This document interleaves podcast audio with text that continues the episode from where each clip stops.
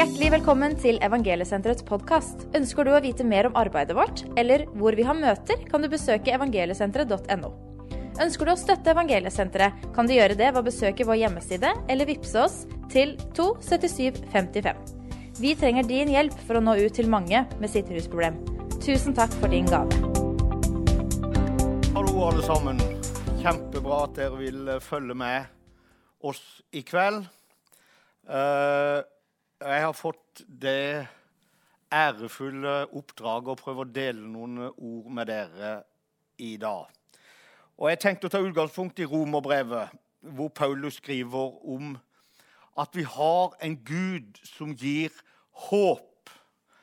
Og jeg elsker eh, det mottoet til Evangeliesenter som sier 'ennå er det håp'.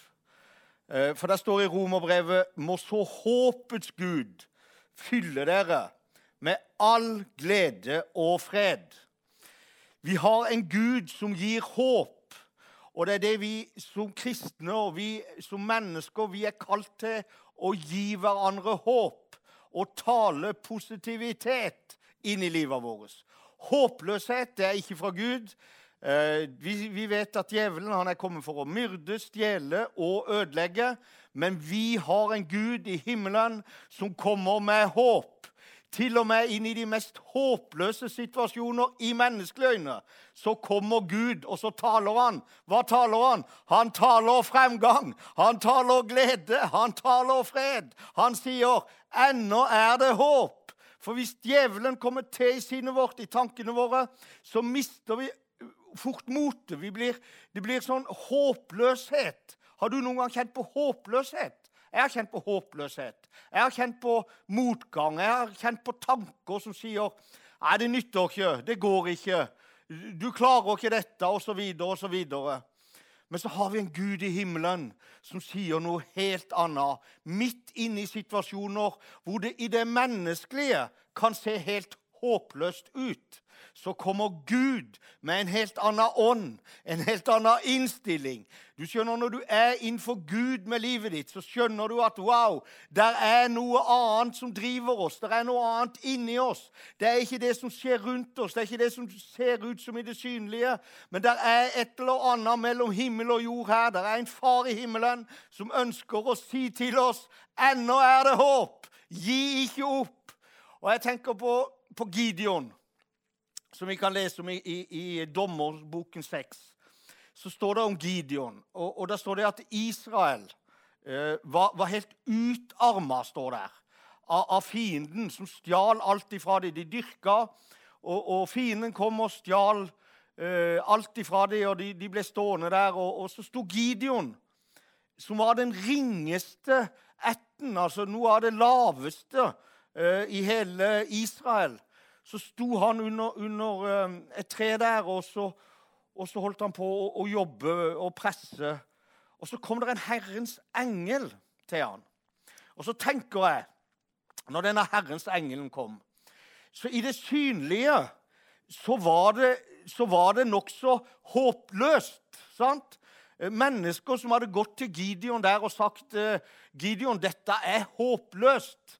Du er jo ingenting, Gideon. Det er jo liksom ingenting med det. Du ser jo fienden herjer, og du ser at, eh, at eh, hele, hele, Israel, hele menigheten, er utarma. Eh, så i det menneskelige, det synlige, så var det ikke så, så, det ikke så mye håp. Og det var ikke så mye grunn til å liksom tale ut at 'Yes, Gideon, du, du ser sterk ut.' Og, nei, det var helt andre omstendigheter. Men så er det så herlig med Gud. For der står det at en Herrens engel kom til Gideon. Og hva var det han sa? Hva var det Herrens engel sa? Han sa ikke 'Gideon, du du det er ikke mye med deg, Gideon. Det er bare gi opp.' Nei, han sa 'Stå på, du djerve kjempe. Herren er med deg', sa han. Herren er med deg. Midt inni noe som er håpløst, så taler Gud liv. Han taler fremgang. Han taler vekst. Han taler 'stå på, ennå er det håp', sier han. Om det ser aldri så mørkt ut, så ta til deg disse orda. Ennå er det håp. Og det er det vi er kalt til. Vi er kalt til å tale inn i menneskers liv. For hva du taler, er ikke tilfeldig. Det er ikke sånn at, at 'Ja, jeg sa det bare'. Jeg har hørt noen har sagt 'Ja, det var jo bare noen ord'. For noe tull. Det var ikke bare noen ord. For når du taler ut, så skaper du ting. Så det er ikke bare å si ting og så tenke ja, sånn var det, var bare noe jeg sa. For når du taler, så skaper det. Derfor så sier jeg, vær forsiktig med tankene dine, for det former sinnet ditt. Og i morgen så blir det ord, og så blir det handling. Det er derfor det står i Bibelen ta enhver tanke til fange. Ta tanken til fange før det blir ord, for ord skaper. Eh, jeg kan ta, eh, tenke litt på min egen oppvekst, eh, hvor, jeg, hvor det var en lærer som talte negativt inn i livet mitt. Han talte håpløshet, han talte 'det nytter ikke', 'du klarer det ikke', osv. Masse sånn håpløshet. Så når jeg kom på skolen i 9. klasse, så fikk jeg beskjed av rektor på skolen at vi vil helst ikke ha det på skolen. Han ikke, brukte ikke akkurat de orda, men det var jo egentlig det han sa. Eh, for han sa det at kan ikke du jobbe fire dager i uka, og så kan du komme én dag på skolen, sa han. Og jeg var jo egentlig bare kjempeglad for det. Eh, så kom jeg ned på en trevarefabrikk som jeg skulle jobbe fire dager i uka. Det jeg ikke visste, var at det var en, en Han som var leder der, han var kristen. Uh, og så satt jeg der med den maskinen, og jeg, jobba fire dager i uka. Gikk på skole én dag i uka. Og den ene dagen da fikk jeg lov til å sitte inn på biblioteket og egentlig gjøre hva jeg vil. Så jeg fulgte ikke noen undervisning i hele 9. klasse. Og i den tida så var det bare 9. klasse, det var ikke 10. Og så jobba jeg på den trevarefabrikken fire dager i uka. Og da, had, da var, da var det nokså håpløst for livet mitt. Jeg hadde ingen store drømmer. Jeg hadde ingen visjoner for eget liv. Jeg, liksom, jeg, jeg husker jeg satt for en maskin som var Så tenkte jeg Kjære tid, skal jeg sitte her til jeg er 67 år? tenkte jeg. Det var liksom, det var liksom de fremtid, For dette det var talt ut negativt i livet mitt. At, det, at jeg var håpløs at ikke det funka, jeg var så og så dårlig. Det var masse negativt som denne læreren hadde fora sinnet mitt med. Og det gjorde noe med holdningene til meg sjøl. Jeg, jeg, jeg, så liksom ikke noen framtidsutsikter. Men så kom han en dag, han eh, lederen, og så stoppa han opp der som jeg sto og arbeida. Og så så han på meg, så sa han, 'Sigurd, jeg har aldri hatt en flinkere 15-åring på denne fabrikken eller det du er', sa han. Er du klar over en ting? Jeg ser et sånn potensial i deg, Sigurd, at du kan bli nøyaktig hva du vil. Du må begynne å drømme store drømmer, sa han. For det er noe med deg, Sigurd, som gjør at det kan eksplodere. Han bare talte livet inni meg. Og jeg kjente, når han talte, så eksploderte det inni meg. Og jeg bare kjente der og da det fins ingen begrensninger. Jeg bare kjente Sigurd, det er ingen begrensninger for livet ditt. Begynn å drømme store drømmer. Begynn å tenke store tanker.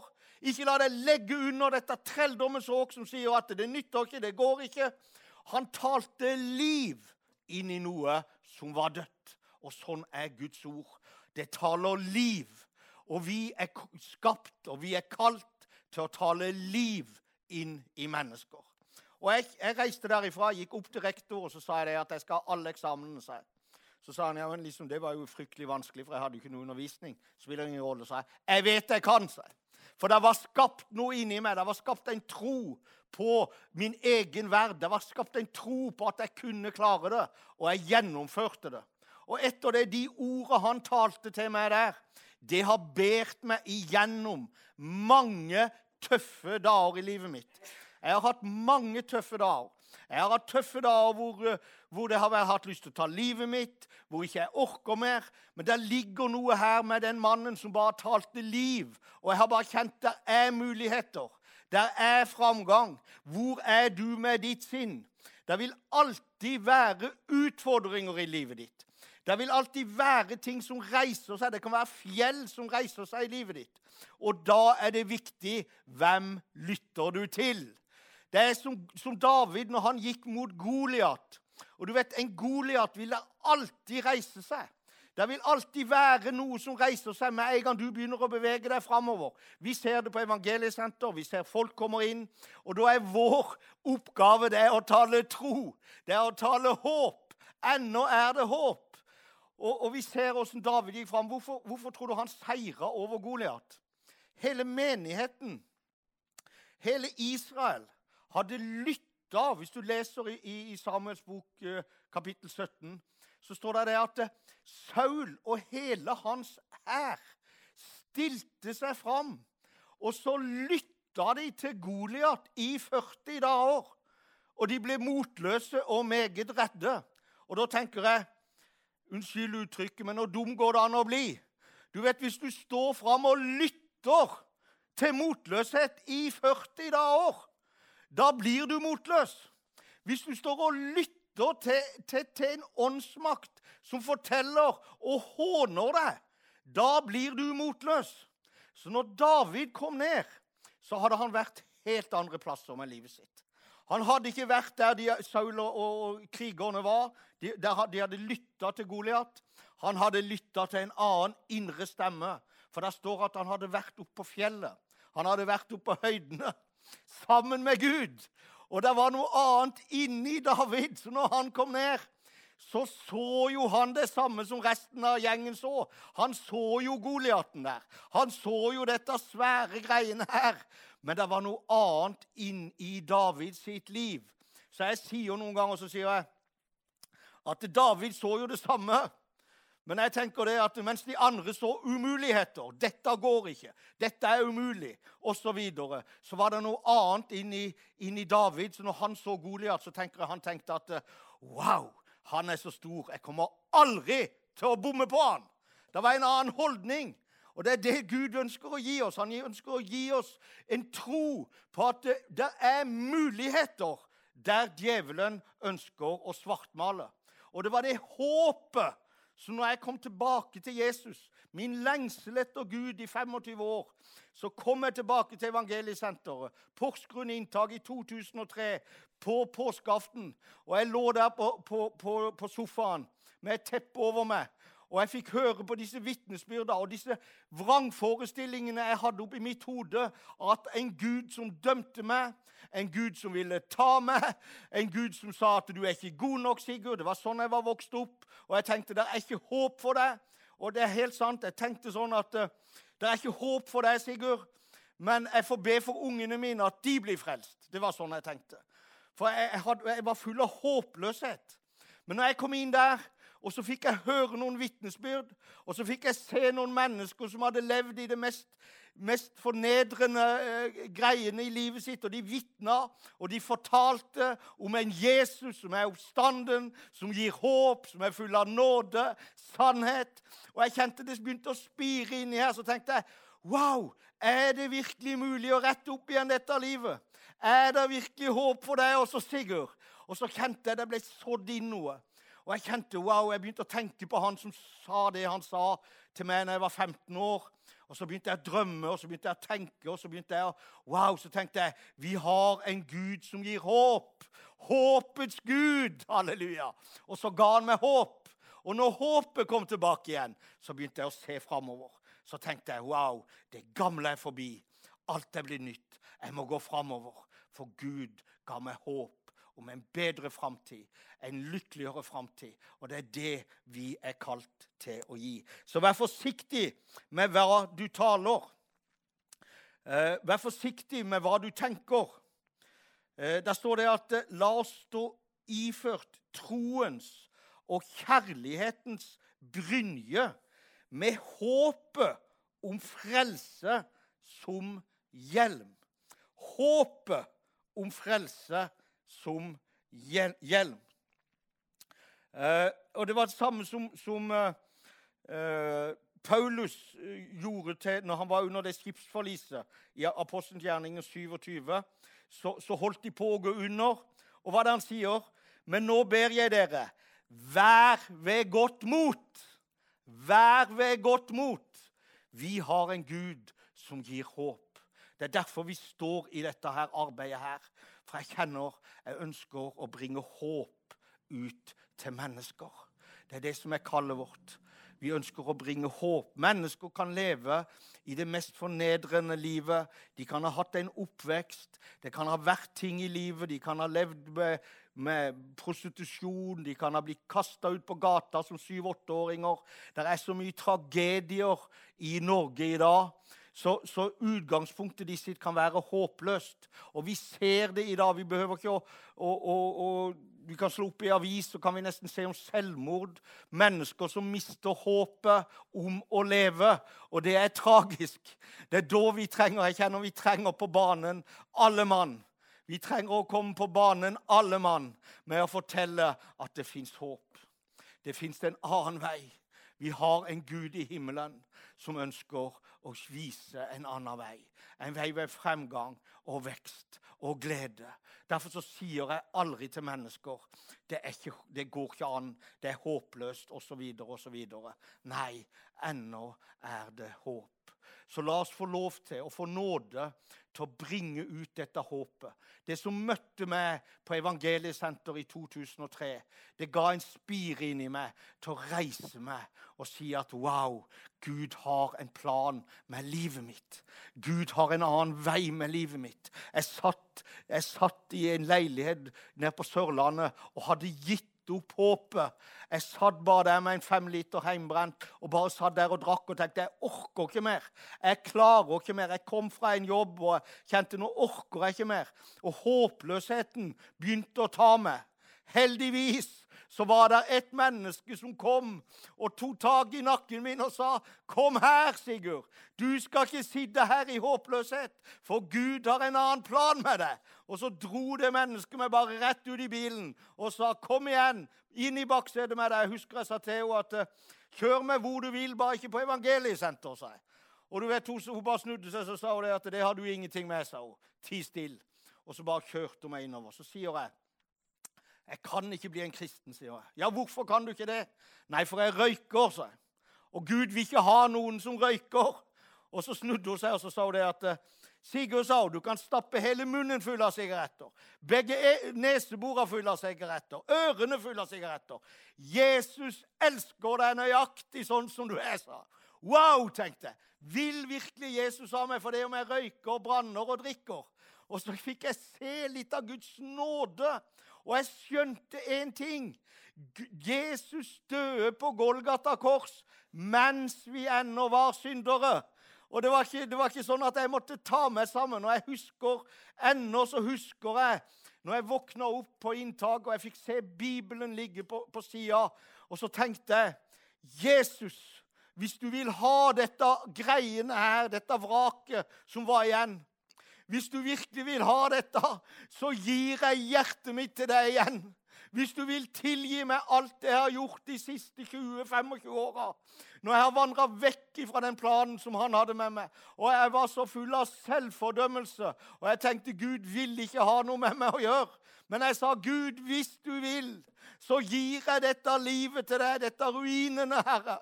Og jeg kjente bare at Gud tok imot meg nøyaktig sånn som jeg var. Og jeg vet ikke, jeg sier det noen ganger, så sier jeg Det er ikke sikkert jeg var edru en gang når jeg lå der oppe. Det vet ikke jeg. Men én ting vet jeg. At når Gud møtte meg i mitt hjerte, så var jeg like ren og rettferdig og himmelen verdig som eh, jeg holdt på Trond Palmgrengen Eriksen. For jeg var lik på lik linje. Og sånn er Gud. Vi har en Gud, vet du. Når vi tar imot Han, så sier han du er rein, du er rettferdig. Halleluja. Og himmelen verdig. Så det er bana en levende vei for oss like inn i himmelen. Og det er den gjenopprettelsen i vårt samfunn med Gud i himmelen. Det er det vi trenger, alle sammen. Og det fikk jeg oppleve der på inntaket. Jeg fikk oppleve at gjenopprettelsen til Gud kom på plass i midt i all min elendighet, midt i at jeg røykte, midt i at jeg, jeg var ikke ferdig med å banne og alt dette her greiene her. Det datt på plass når Gud flytta inn. Det er der hemmeligheten ligger. Prøv aldri å ta deg sammen, men ta heller å falle sammen. Og når du faller i sammen, så står hans armer, og så omslutter han deg. Og så får du håp og glede og fred inn i livet ditt igjen. Så vi har en Gud i himmelen som kommer med håp inn i det som ser håpløst ut. Halleluja. Men ennå er det håp. Er et levende bevis på det. Halleluja. Hadde du kjent meg for 20 år siden, så hadde du sagt det der er jo helt, det er jo et under. Det er like stort som når Jesus sto opp igjen omtrent. For et under er det. Men jeg elsker Jesus, og jeg elsker å få ut evangeliet, for jeg vet at alle mennesker trenger det. Gud velsigne dere der hjemme. Jeg bare ønsker å be en bønn for dere. Jesus, jeg takker deg for at du møter alle som er der hjemme, Herre. Som lytter på. Hvis det er noen håpløse situasjoner i det menneskelige, Herre, så trenger du igjennom, far. Og du gir dem håp, Herre. Håp om ei framtid. Håp om noe annet, Herre. Du flytter inn i hjerter der, Herre, som åpner seg for deg, far. Vi ber om det. Så takker jeg deg, Herre, for hver eneste en som har fulgt denne sendinga. Jeg ber om Guds velsignelse og Guds fred i Jesu navn. Amen. Takk for at du lyttet til Evangeliesenterets podkast. Vi håper at dette budskapet skal være til en velsignelse for deg.